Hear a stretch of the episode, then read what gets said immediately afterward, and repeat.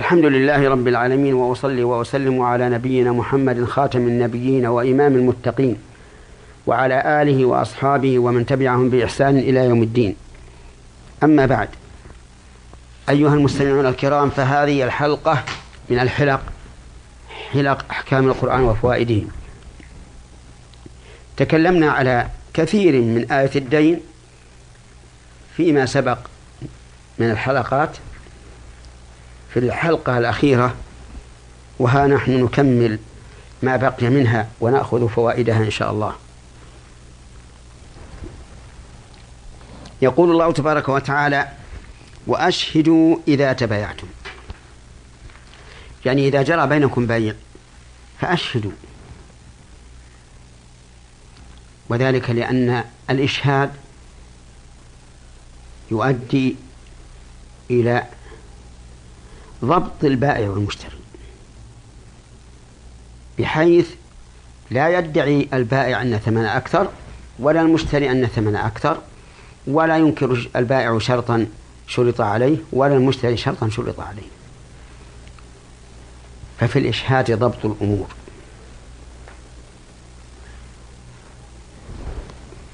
ولا يضار كاتب ولا شهيد. قوله يضار أي يلحق الضرر. لكن وزنها الصرفي.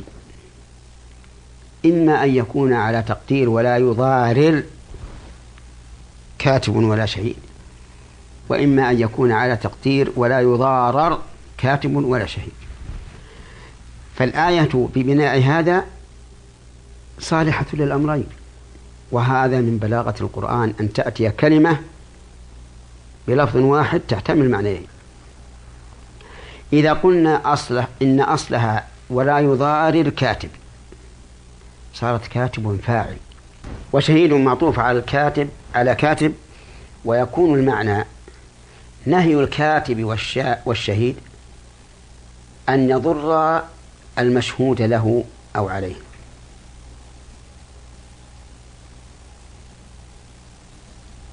وأما على قراءة الفتح فتح, فتح الراء ولا يضارر كاتب وشهيد. فكاتب وشهيد نائب فاعل. أصل ومعطوف عليه. ويكون والمعنى ولا يضار ولا يضارر المكتوب له والمشهود عليه. الكاتب ولا الشهيد. وعلى القراءتين جميعا يكون النهي شاملا للأربعة للكاتب والشهيد والمشهود له والمشهود عليه والمكتوب له والمكتوب عليه. ستة. قال قال عز وجل وإن تفعلوا أي تضاروا فإن فإنه فسوق بكم أي خروج عن طاعة الله عز وجل وخروج عما ينبغي أن تكونوا عليه من الأمانة واتقوا الله. أي اتقوا الله تعالى عن المضارة بالكاتب والشهيد. ويعلمكم الله. والجملة مستأنف الجملة يعلمكم الله مستأنفة لبيان نعمته علينا بهذا التعليم المفصل. والله بكل شيء عليم. لا يخفى عليه شيء في الأرض ولا في السماء. في هذه الآية الكريمة فائدة عظيمة جدا وهي عناية القرآن الكريم بالبيع والشراء والديون. فيكون فيه رد لقول من يقول إن الإسلام إنما جاء لإصلاح ما بين العبد وبين ربه وهو العبادة. وأما المعاملات الجارية بين الناس فإن الناس أعلم بما يصلح دنياهم. فإن هذا كذب وافتراء على القرآن. القرآن فيه تفصيل كل شيء. والسنة بينت المجمل منه.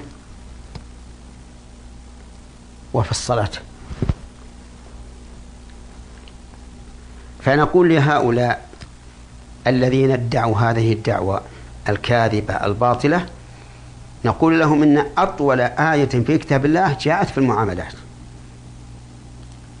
مما يدل على عناية القرآن بالمعاملات. من فوائد هذه الآية الكريمة أن أن تنفيذ ما ذكر في هذه الآية من أوامر ونواهي من مقتضيات الإيمان. فإن الله تعالى إذا صدر الخطاب بيا أيها الذين آمنوا دل ذلك على أن من مقتضى الإيمان امتثال الأمر في في هذا الخطاب واجتناب النهي فيه.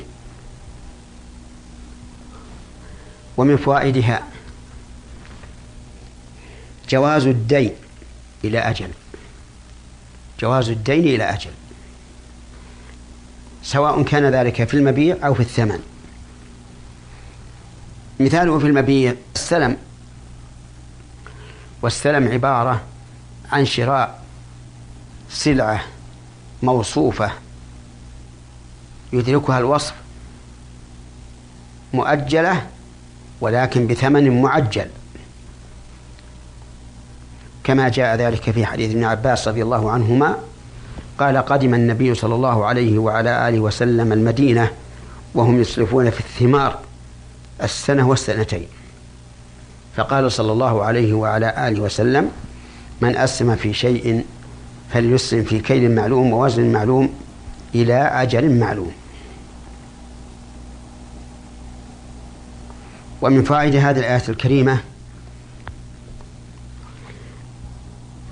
أن الدين يكون إلى أجل مسمى وإلى أجل غير مسمى.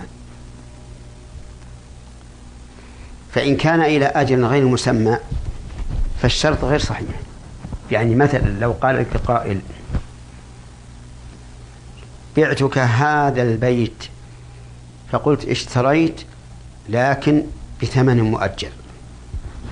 ولم تذكر الأجل فإن الشرط لا يصح لأنه لأنه مجهول. ويحصل النزاع بين البائع والمشتري فيما بعد.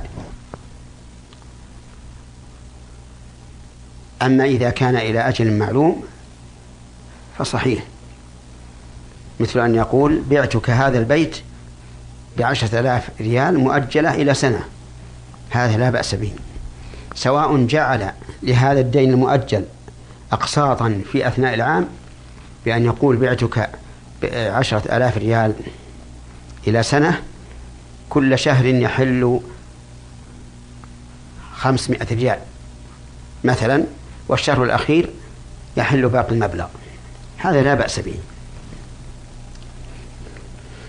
من فوائد هذه الآية الكريمة وجوب كتابة الدين إلى أجل مسمى. لقوله فاكتبوه. وإنما وجب ذلك لئلا يحصل الإنكار فيما بعد عمدا أو نسيانا ولئلا يحصل التنازع بين الدائن والمدين لأنهما قد ينسيان ذلك. وقد لا ينسيان ولكن يتعمدان أن الأكل أكل المال بالباطل والعياذ بالله. وقال بعض أهل العلم إن كتابة الدين المؤجل إلى أجل مسمى ليست بواجبة إلا إذا كان الإنسان يتصرف لغيره كولي اليتيم مثلا. إذا رأى المصلحة في بيع مالهم ماله مؤجلا فليفعل ولكن يجب عليه أن يكتب الدين لأنه يتصرف لغيره. وكالوكيل على بيع شيء إذا باعه إلى أجل مسمى وجب عليه أن يكتبه لئلا يضيع حق حق صاحبه. وهذا القول أعني القول بالتفصيل أقرب إلى الصواب لأن الأول قد يكون فيه مشقة على الإنسان ولكن مع ذلك لا ينبغي أن يترك الكتابة في دين مؤجل أبدا. ومن فوائد هذه الآية الكريمة أنه لا بد أن يكون الكاتب من غير المتعاقدين. لقوله تعالى وليكتب بينكم كاتب بالعدل إلا أن يكون أن تكون الكتابة إقرارا بشيء ويكتبها من عليه الحق فلا حرج لأنه لا ضرر في ذلك إذا كان خطه معروفا أو استشهد عليه شاهدين دليل ذلك قوله تعالى وليكتب بينكم كاتب بالعدل ولم يقل وليكتب أحدكم ومن فوائد هذه هذه الآية الكريمة أنه أنه يختار للكتابة من يوثق بكتابته وعدله لكونه أمينا وعالما بمدلولات الألفاظ لأنه قد يؤتى بكاتب أمين لا, بأس ولكن لا يعرف مدلولات الألفاظ. وحينئذ يبقى الشك في كتابته ومن فوائد هذه الآية الكريمة أنه يجب على الكاتب أن يكتب بالعدل. فإذا رأى من أحدهما ما يكون فيه نقص عليه وهو جاهل لا يعرف تماما فالواجب عليه أن يبين له لئلا يغره الآخر. لأن بعض الناس يكون بينه وبين شخص معاملة ويكون غريرا لا يعرف فيملي عليه الآخر ما يريد. وعند النزاع يكون هذا المغرور قد غرم وندم فلا بد أن يكون كاتب عدلا يعني يكتب العدل. إذا رأى من تعبير أحدهما نقصا كمله وإذا رأى من تعبير أحدهما زيادة منعه. هذا هو العدل. ومن فوائد هذه الآية الكريمة أن الذي يملي على هذا الكاتب هو الذي عليه الحق. لقوله وليملل الذي عليه الحق. ومن فوائدها أنه لو ادعى من له الحق على من عليه الحق شيئا زائدا على إقراره فإنه لا يقبل. لأنه جعل لأنه سبحانه وتعالى جعل المرجع في هذا من عليه الحق. وأما من له الحق فقد يدعي ما ليس له عدوانا أو نسيانا. ومن فوائد الآية الكريمة أن الأصل براءة الذمة. فمن ادعى على شخص شيئا فعليه البينة وإلا فالأصل براءة ذمة المدعى عليه. وكذلك الأصل براءة ذمة المدعى عليه مما زاد على ما أقر به. بدليل أن الله تعالى جعل المرجع إليهم أي إلى, أي إلى الذي عليه الحق. ومن فوائد الآية الكريمة أن من عليه الحق يجب عليه أن يتقي الله عز وجل وأن لا ينقص من الحق شيئا. وهذا من بلاغة القرآن أن الله تعالى لما جعل المرجع في الحق إلى من عليه الحق حذر من عليه الحق أن يتجاوز. فأمره بتقوى الله ونهاه أن ينقص منه شيئا. لأن بعض الناس يغلبه الشح فإذا جعل الأمر إليه نقص. فحذر الله فنهى الله تعالى عن ذلك. وحذر من المخالفة في قوله وليتق الله ربه. ومن فوائد الآية الكريمة أنه يجب على من عليه الحق على من عليه الحق أن يقر به كله. فلا ينقص منه ولا شيئا نعم ولا شيئا قليلا. فمثلا إذا كان في ذمته مليون ريال وربع ريال يجب عليه أن يقر بمليون ريال وربع ريال ولا يقول ربع ريال سهل. لا لا لا أقر به لا حاجة إلى أن أقر به لأنه سهل. لأن الله قال لا يبخس منه شيئا. وشيئا نكرة في سياق النهي فتعم الشيء القليل والكثير. ومن فوائد الآية الكريمة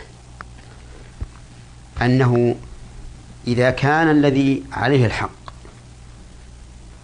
سفيها لا يحسن التصرف أو ضعيفا لا يحسن التعبير أو لا يستطيع أن يملي إطلاقا لهيبة في نفسه أو لثقة في لسانه أو خرس لا يستطيع أن يتكلم إطلاقا فإنه في هذه الحال يملي وليه.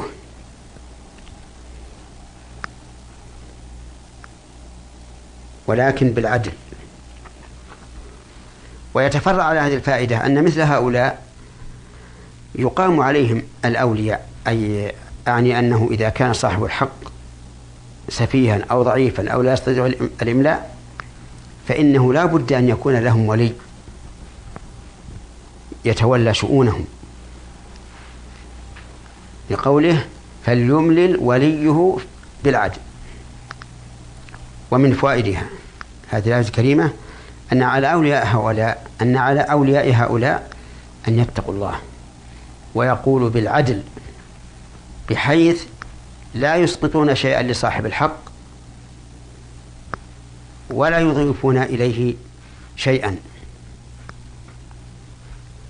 فمثلا إذا كان الحق ألفا فإن الولي يكتب الألف ولا يجوز أن يضيف إليه آه، أن ينقصه شيئا.